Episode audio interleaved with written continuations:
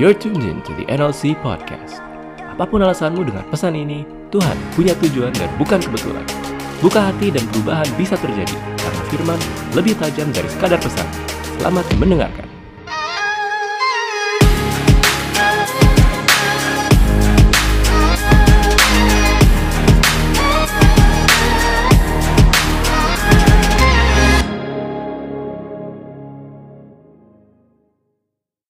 Hari ini kita dikasih tema soal purposeful faith atau iman yang bertujuan, yang punya tujuan dan saya percaya di Alkitab banyak tokoh yang eh, mengajarkan tentang iman, bahkan dicatat sebagai pahlawan iman, tapi one of the greatest atau salah satu yang terbesar yang mungkin ada di Alkitab adalah Abraham. Benar ya? Dan hari ini kita akan ngebahas tentang Bapak Abraham yang mempunyai banyak sekali anak-anak. Aku anaknya? Mari, puji Tuhan. Tangan kanan ya, aduh. Jadi ingat sekolah minggu dulu ya. Tapi keren banget loh seorang yang bernama Abraham ini di dalam ya kesalahan dan dosa yang dia buat ya. Eh, seorang yang dikatakan sebagai bapak orang beriman, bapak orang percaya ternyata juga punya kelemahan, punya kekurangan. Ya, waktu ada raja yang tanya itu siapa ya? Lucu juga ya gitu kan. Itu adik gue padahal sebenarnya istrinya ya kan. Karena imannya juga ternyata nggak sekuat yang dibayangkan. Dan lagi setelah menunggu janji Tuhan akan mempunyai keturunan nggak juga dapet akhirnya apa? Dia pakai jalan pintas kan? Akhirnya lahirlah Ismail dan seterusnya. Tapi kerennya Tuhan kita adalah di balik kelemahan seseorang Tuhan bisa pakai orang tersebut ya Tuhan bisa mengerjakan sesuatu yang dahsyat lewat seseorang tersebut. Dan kita bersyukur karena saya percaya di antara kita nggak ada yang imannya sempurna. Ya kita seperti murid-murid yang berdoa sama Tuhan Tuhan tambahkanlah iman kami. Ya ketika Yesus ngajarin banyak hal kita mulai bingung dan kita mulai bimbang ini bener nggak sih? Semua yang Tuhan bilang kayaknya buat daging gua kayaknya susah banget. Tapi ya itu permohonan yang sama yang dikatakan murid-murid yang diminta oleh murid-murid kepada Yesus, tambahkanlah iman kami. Ya. Tapi di sini kita mau belajar lebih jauh tentang siapakah Abraham ini. Dia disebut sebagai bapak orang percaya, bapak orang beriman, bahkan dia diakui sebagai bapak dari tiga agama besar yang ada di dunia. Ya, ada agama Yahudi yang paling pertama, ya, mereka mengakui Abraham, mereka menyebut diri mereka sebagai anak Abraham ya dan tentunya kita Kristen kita juga mengakui seorang yang bernama Abraham dan saudara kita yang lain yaitu Muslim Ibrahim ya beda-beda dikit.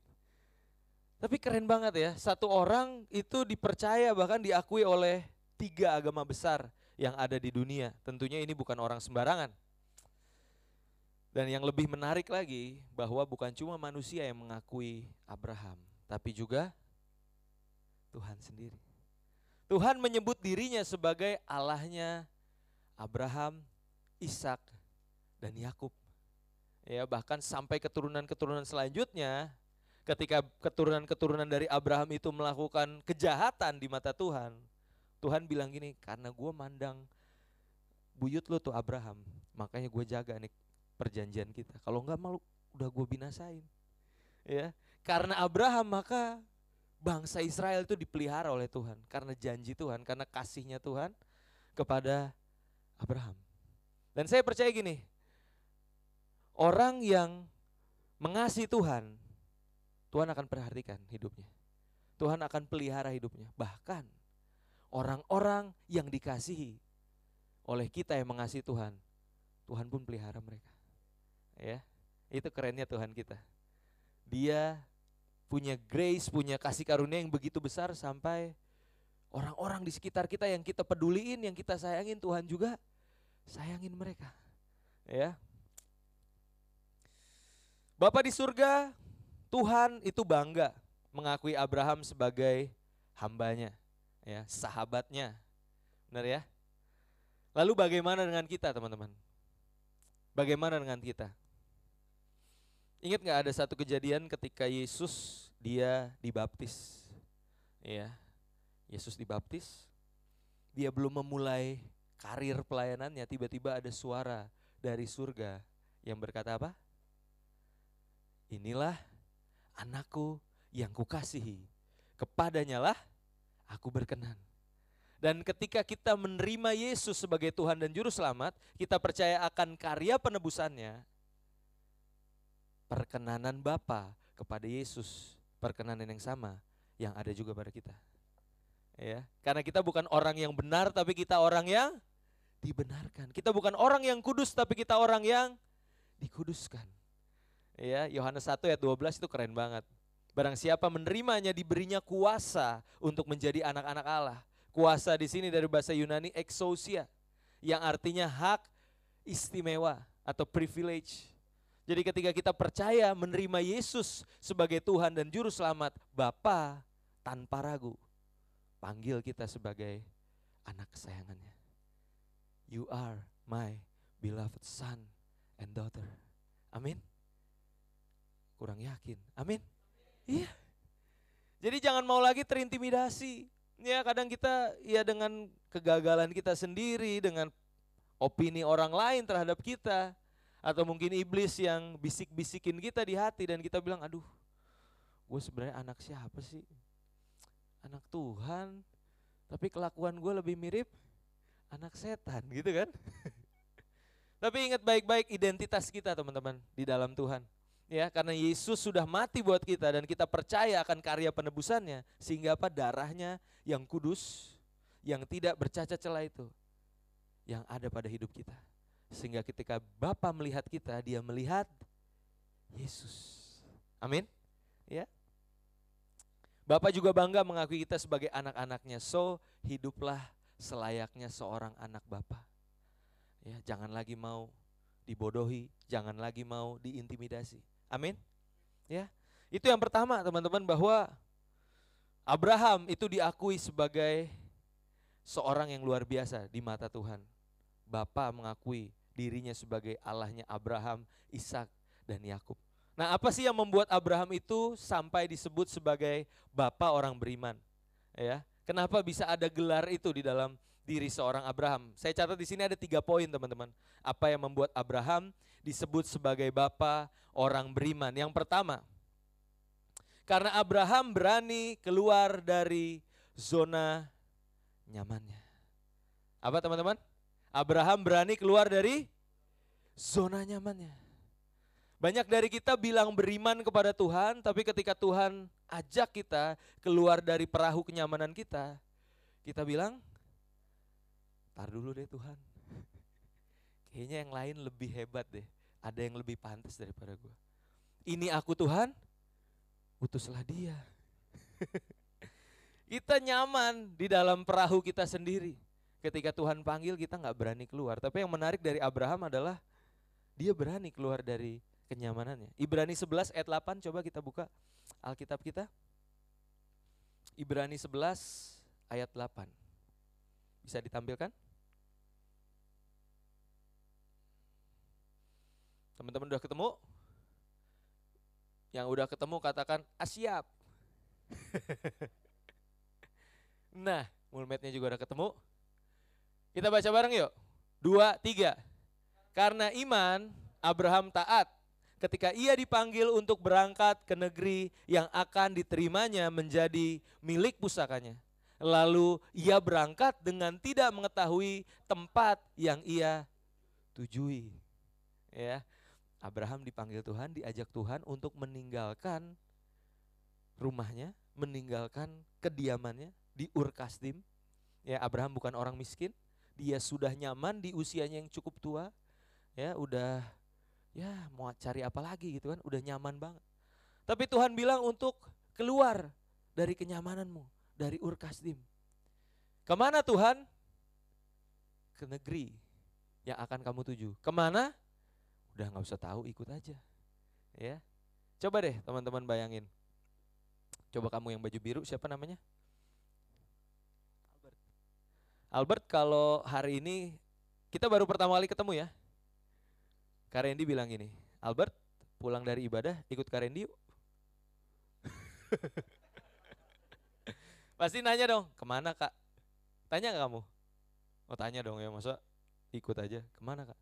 Ada deh, seru deh pokoknya. Ikut ya? Mau nggak? Oh nggak mau. Sayang sekali ya. Saya mau ajak kamu ke sushi teh padahal. Bener nggak teman-teman? Kalau kita diajak sama seseorang yang kita nggak kenal ke suatu tempat dan kita tanya ke mana, dia bilang nggak tahu. Ntar aja gue kasih tahu. Kira-kira kita mau pergi nggak? Enggak. Kalau orang tua kita yang ngajak, ya, sampai hari ini pasti Albert masih sering dong diajak pergi sama papa mama. Papa bilang, Albert ikut yuk pergi. Nanya nggak ke mana? Ya nanya lah ya. Ke mana pak? Ada deh, pokoknya makan enak. Percaya nggak? Percaya. Dia langsung berangkat. Ya.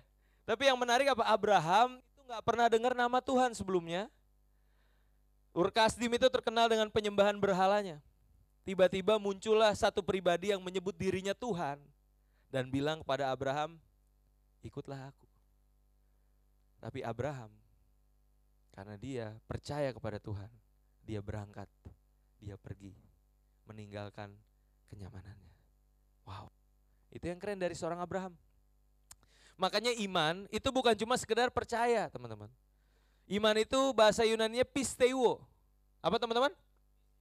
Ingat aja pistol ya. Piste, pisteuo gitu ya. Artinya bukan cuma percaya tapi mempercayakan diri kita. Ya, artinya apa? Semua yang Tuhan akan lakukan dalam hidup ketika Tuhan ajak kita, itu pasti sesuatu yang baik buat kita. Ya, mempercayakan hidup seperti yang Abraham lakukan.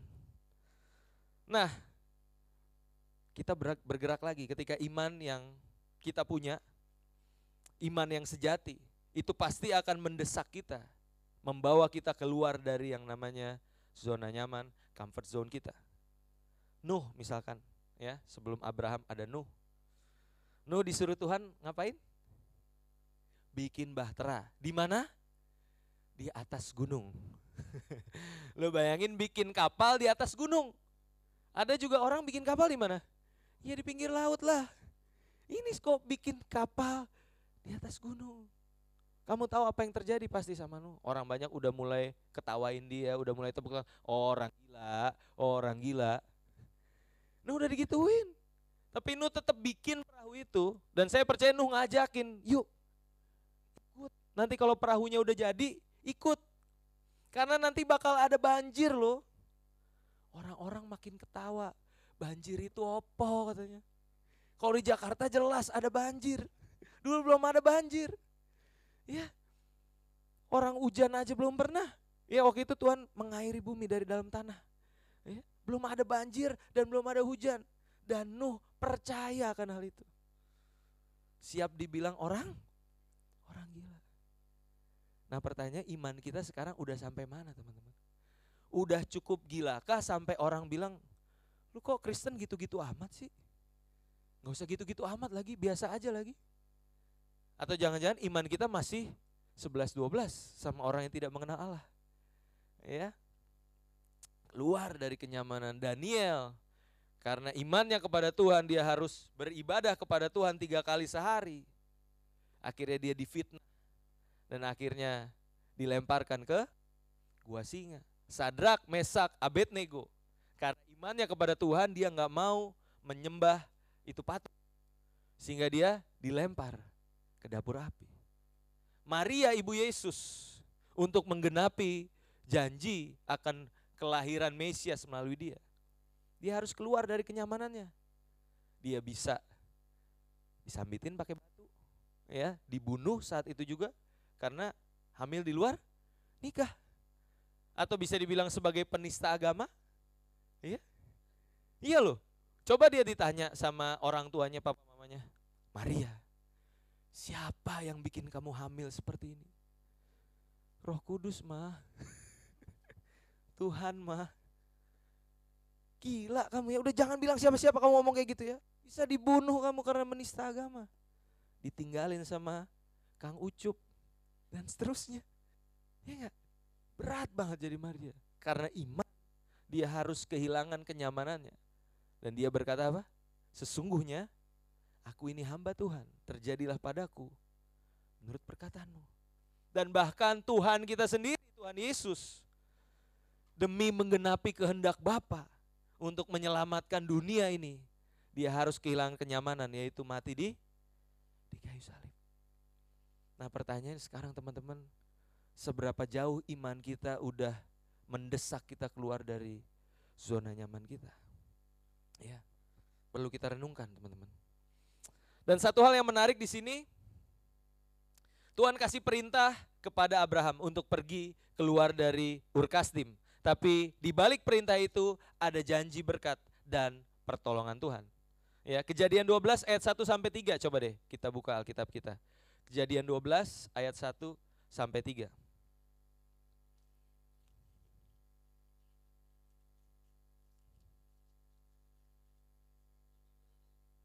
Abraham dipanggil Allah. Berfirmanlah Tuhan kepada Abram, pergilah dari negerimu dan dari sanak saudaramu dan dari rumah bapamu ini ke negeri yang akan kutunjukkan kepadamu ayat 2. Aku akan membuat engkau menjadi bangsa yang besar dan memberkati engkau serta membuat namamu masyur dan engkau akan menjadi berkat. Ayat 3, aku akan memberkati orang-orang yang memberkati engkau dan mengutuk orang-orang yang mengutuk engkau dan olehmu semua kaum di muka bumi akan mendapat berkat ya. Ayat 1 itu bicara apa teman-teman? Kalau kita pisahkan antara perintah dan janji dalam Alkitab, ayat pertama itu bicara tentang perintah atau janji? Halo? Perintah. Ayat 2 janji. Ayat 3 janji juga, ya. Jadi kita harus bisa bedakan mana perintah, mana janji di Alkitab. Matius 28 ayat 19 sampai 20. Amanat agung. Pergi jadikan semua bangsa muridku, baptislah mereka dalam nama Bapa, Anak, dan Roh Kudus dan ajarlah mereka melakukan segala sesuatu yang kuperintahkan kepadamu. Itu apa? Perintah janjinya, aku menyertai kamu sampai kepada akhir zaman. Nah, kita sering kali kebolak-balik, teman-teman. Kita pengen janjinya Tuhan, tapi kita lupa sama perintahnya. Padahal sebenarnya bagian kita itu adalah perintah. Bagian Tuhan adalah menepati janjinya. Nah, sekarang kita fokusnya di mana? Di perintahnya Tuhan atau di klaim janjinya Tuhan? Iya enggak? Misalnya gini, Sebelahnya Albert namanya siapa? Saya cariin yang masih imut-imut aja. siapa namanya? Hah? Ming Ming. Ming. Papamu bilang gini, Ming, kalau kamu nanti naik kelas nilainya bagus, ranking 10 besar, nanti Ming Ming dibeliin sepeda sama papa. Mau? Ah, udah gak demen sepeda, dia pengennya motor. ya, Ming Ming dijanjiin sepeda sama papa. Itu di awal tahun ajaran Papa kasih janji seperti itu. Waktu Ming Ming mulai menjalani sekolah, apa yang Ming Ming lakukan? Supaya dapat nilai yang bagus ngapain? Belajar. Fokus sama apa yang harus kamu kerjakan kan? Kamu datang nggak tiap hari ke papamu, Pak, ingat janji ya Pak, sepeda, sepeda gitu. Perlu nggak kayak gitu? Halo? Lalu banyak orang Kristen kenapa fokusnya sama janji ya? Bukan sama perintahnya. Padahal gini, kalau kita fokus sama perintah, janji pasti ditepati sama Tuhan. Kalaupun kita ingat janjinya Tuhan, itu buat ingetin siapa sih? Ingetin diri kita. Bukan ingetin, ngapain Tuhan diingetin? Emang Tuhan pelupa kayak manusia? Tuhan gak bisa lupa. Apa yang dia janjikan pasti digenapi. Masalah yang sering lupa siapa? Kita. Kita mau janjinya tapi nggak mau taatin perintahnya. Pengen disertai Tuhan nggak sampai akhir zaman? Menginjil nggak? Memuridkan nggak? Itu dia, ya. Lakukan bagian kita, maka Tuhan akan lakukan bagiannya. Ibarat kamu punya asuransi, ya, bayar premi setiap setiap bulan itu tanggung jawabmu. Itu perjanjiannya seperti itu. Perintahnya adalah bayar premi. Janjinya waktu kamu sakit, kamu di cover. Fokus lo ngapain? Bayar aja tiap bulan. Kalau sakit, kadang gini loh, asuransi saking canggihnya, nggak perlu kita kasih tahu, kita posting aja di Instagram, gue lagi tergeletak sakit gitu. Datang sendiri ngontek kita, bener gak? Ya itu biasa asuransi yang keren tuh siapa ya gitu ya, nggak mau promosi gue, karena gue juga bukan orang asuransi. Tapi gitu teman-teman, Tuhan jauh lebih keren daripada asuransi. Kita nggak perlu klaim janjinya, ya, amin. Dia Bapak yang dia tahu kapan waktunya menolong kita. Amin. Ya, itu yang pertama. Berani keluar dari zona nyaman kita. Yang kedua, teman-teman. Apa yang membuat Abraham disebut sebagai bapak orang beriman? Yang kedua adalah karena Abraham berani mengorbankan yang berharga miliknya demi demi Tuhan. Berani berkor berkorban. Ibrani 11 ayat 17. Kita buka kembali Alkitab kita Ibrani 11 ayat 17.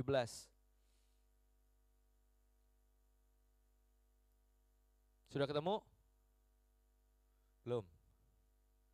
Yang sudah ketemu, baca bareng yuk. Udah ya? Udah. Dua, tiga. Karena iman, maka Abraham tatkala ia dicobai mempersembahkan Ishak. Ia yang telah menerima janji itu rela mempersembahkan anaknya yang tunggal. Kejadian ini, peristiwa ini, itu saking kerennya, itu sampai hari ini dirayakan sama teman-teman kita yang Idul Adha.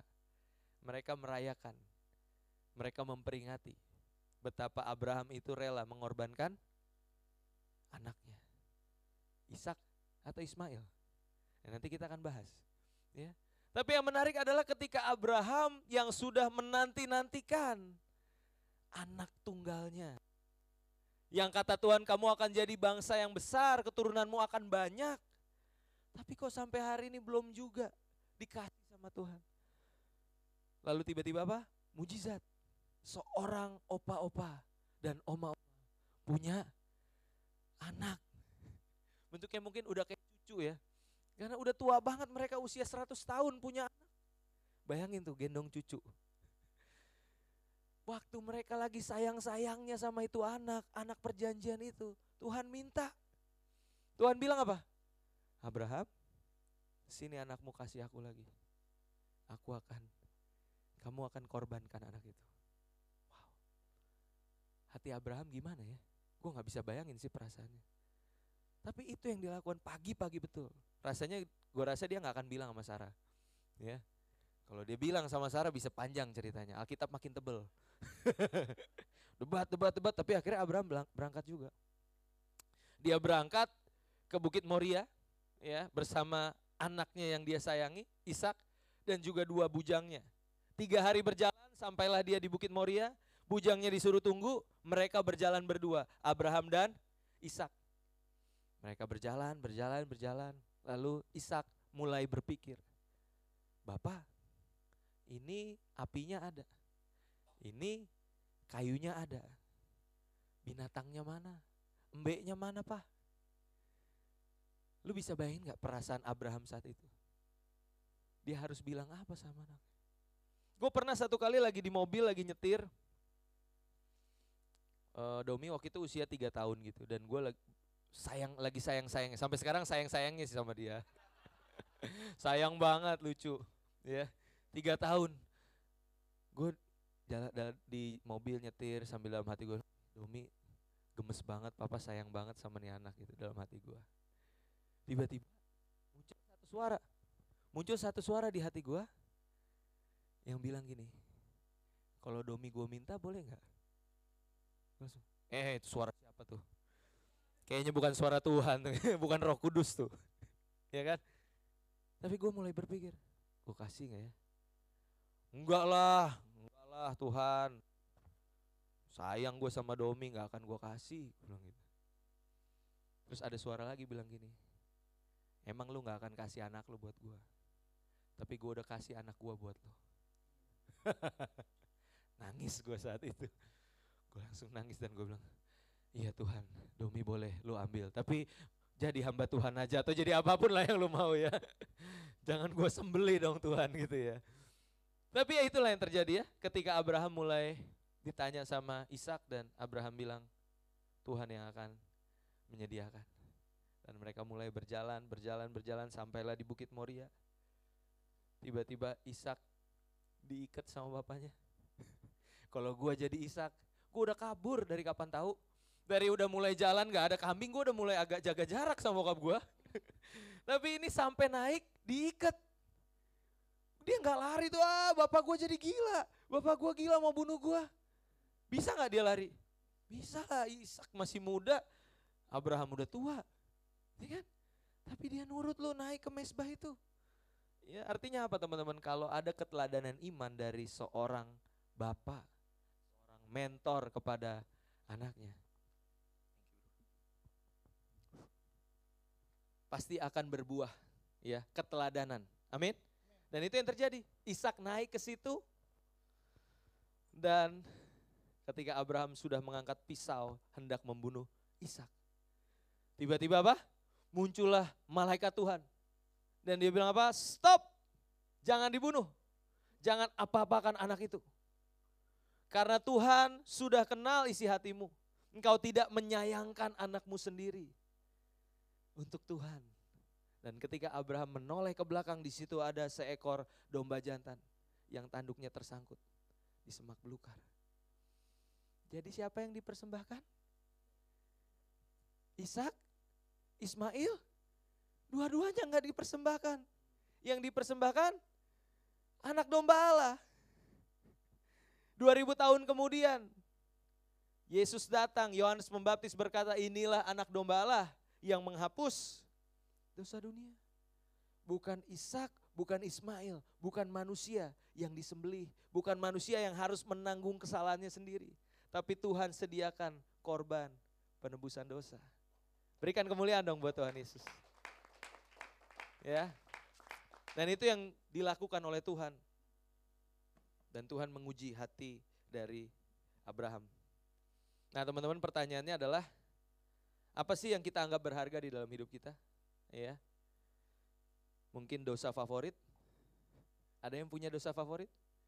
Semua yang Tuhan mau boleh Tuhan atur-atur di hidupku. Tapi buat dosa yang ini, tolong jangan diganggu. Ini kesukaan gue. Masih disimpan buat diri sendiri gitu. Atau hobi, kesenangan, ya, main game, PUBG. Kalau gue lagi main PUBG Tuhan, please jangan ganggu. Orang tua gue aja suruh gue belajar, gue bilang tar dulu lima menit, apalagi lu Tuhan. Banyak cicak ya di tempat ini ya.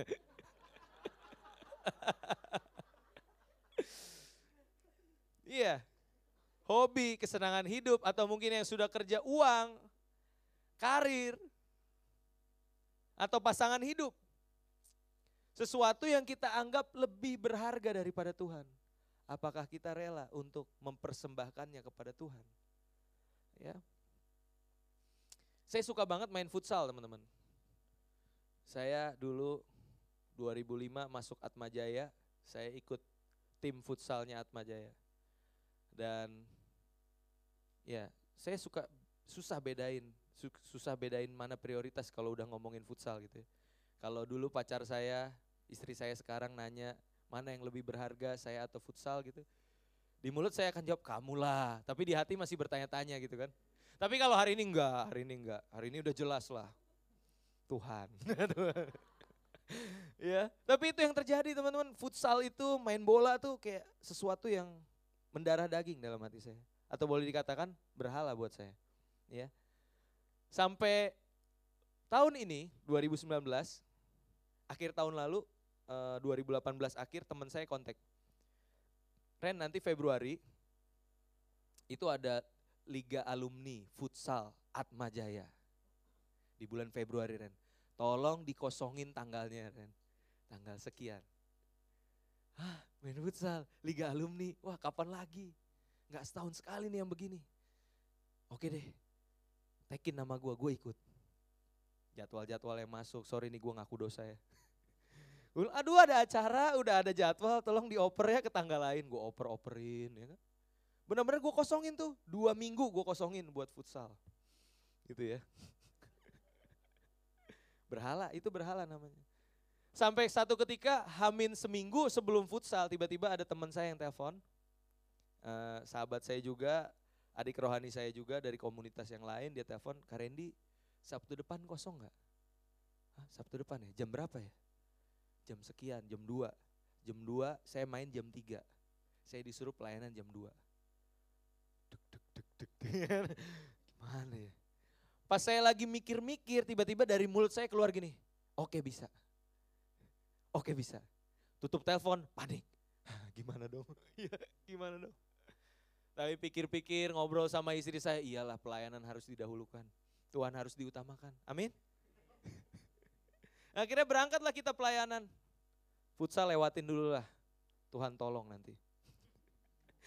Akhirnya kita datang ke tempat ibadah, ada equipping gitu ya, eh, komunitas dia. Saya mulai datang ke sana dengan hati yang masih deg-degan uh, menang siapa ya gitu kan udah mulai berpikir kayak gitu tiba-tiba waktu praise and worship lagunya tentang ku persembahkan hidupku bla bla bla bla bla gue nangis jadi jadinya gue langsung berlutut jidat gue nempel ke tanah gue bilang Tuhan engkau yang tahu isi hatiku engkau tahu apa yang aku anggap berharga tapi aku mau Tuhan hari ini aku letakkan itu di bawah kakimu.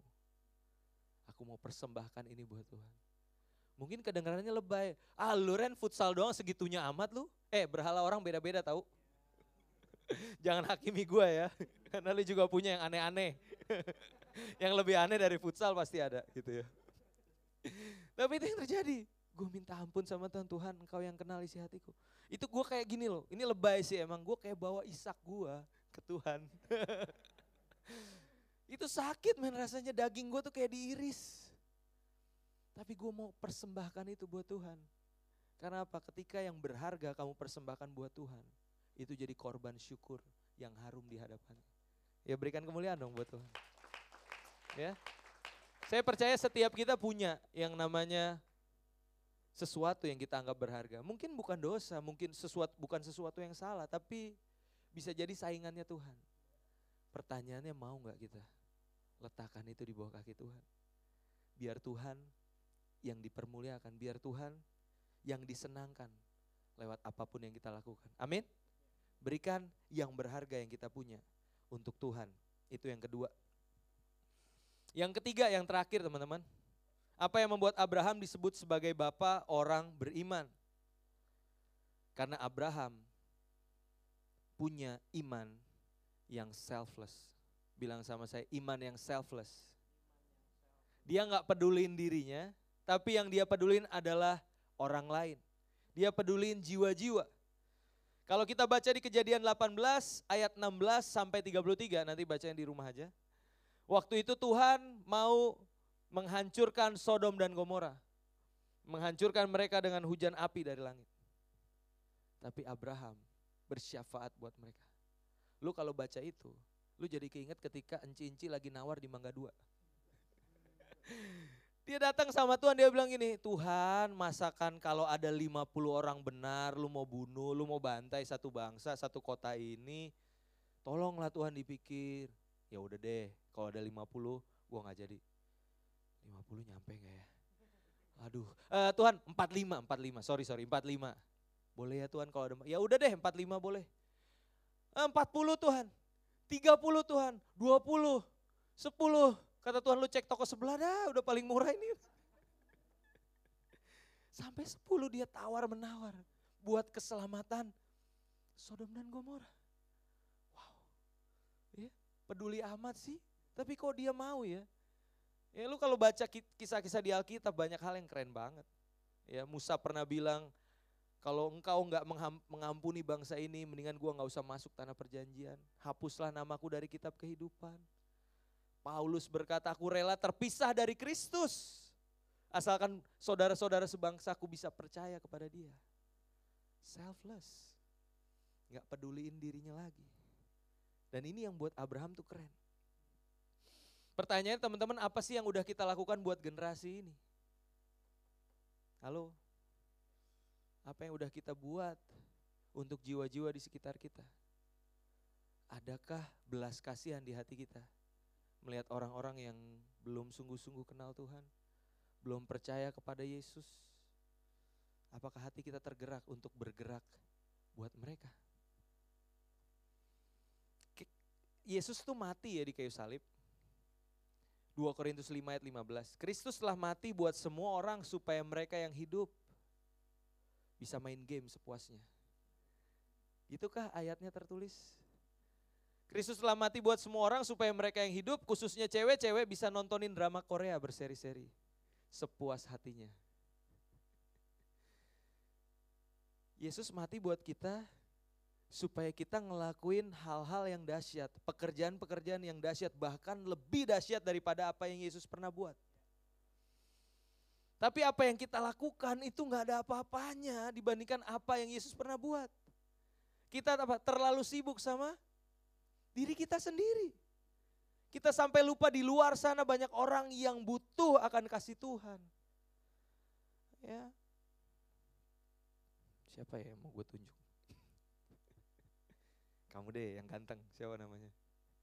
Kamu, kamu ganteng kan? siapa namanya? Ezra. Suka main PUBG? Oh enggak, anggaplah kamu suka. Karena ini kan contoh doang, contoh doang ya. Sukanya apa? Oh, Dominions. Oke, ya udahlah ya. PUBG aja biar gampang. Bikin susah gua. Ezra ditelepon sama temennya, sahabat di kampus. Kampus? Kantor? Kantor. Bro, gue baru putus cinta nih bro. Gue lagi galau, segalau-galaunya. Gue butuh tempat cerita. Ezra di seberang telepon bilang ini, bro, tar dulu ya bro gue lagi asik nih, dikit lagi gue mati. Gitu. Temennya Ezra di seberang telepon, gue juga, juga udah pegang silet nih. Ntar lagi gue juga mati. Nyilet. Ngerti gak teman-teman? Ya. Lu habisin tisu lu, ya berlusin-lusin, buat nangisin opa. Ya, padahal generasi ini sedang menuju kepada kebinasaan dan lu nggak peduli sama mereka. Come on teman-teman, ya. Kalau ada kasih Tuhan di dalam hati kita, kita harusnya bergerak seperti Yesus bergerak. Seberapa banyak orang yang kita layani, mungkin satu atau dua orang. Kalau kamu punya kasih Tuhan, kamu akan datang kepada dia dan kamu akan lakukan untuk menyelamatkan mereka. Amin. Orang yang hatinya dipenuhi kasih Tuhan pasti do something buat sesamanya supaya mereka diselamatkan. Ya, saya suka bikin komsel tiap Kamis, dua Kamis sekali di rumah. Dan itu nggak cuma orang Ebenezer doang, kadang yang lebih lebih banyak datang orang di luar Ebenezer. Saya punya grupnya sendiri. Kadang saya udah capek gitu kan, Kristo gue gantiin lagi. Kristo kan awalnya bilangnya seminggu sekali tuh gantian sama gue. Tapi itu Januari doang, Februari pergi ke mana-mana dia. Akhirnya gue gantiin ya, oke kita mulai. Gue tanya di grup, ada yang bisa nggak besok? Gue agak mager sih, pengennya nggak ada yang jawab gitu ya. Pengennya nggak ada yang jawab. Tiba-tiba ada satu yang bilang, kak aku mau dong datang. Ya udah kita adain. Mau satu, mau dua, minimal ada berapa? Yesus hadir? Dua tiga orang. Ada gue, istri gue di rumah sama dia, udah tiga tuh. Tuhan hadir. Dan seringnya yang datang nggak cuma satu, ternyata banyak. Ya, yang datang banyak. Tapi apa? Ayo dong. Kalau punya hatinya Tuhan, gerak dong. Walaupun nggak banyak mungkin, nggak dipandang orang mungkin, ayo. Karena kita lakuin ini bukan buat diakui manusia. Tapi kita mau surga, surga penuh. Karena itu kerinduannya Tuhan. Amin. Ya, jadi izinkan Tuhan penuhi hati kita dengan kasihnya. Karena kalau hati kita penuh dengan kasihnya, maka kita akan punya hatinya Tuhan dan kita akan rindu untuk orang lain juga diselamatkan. Amin. Yuk.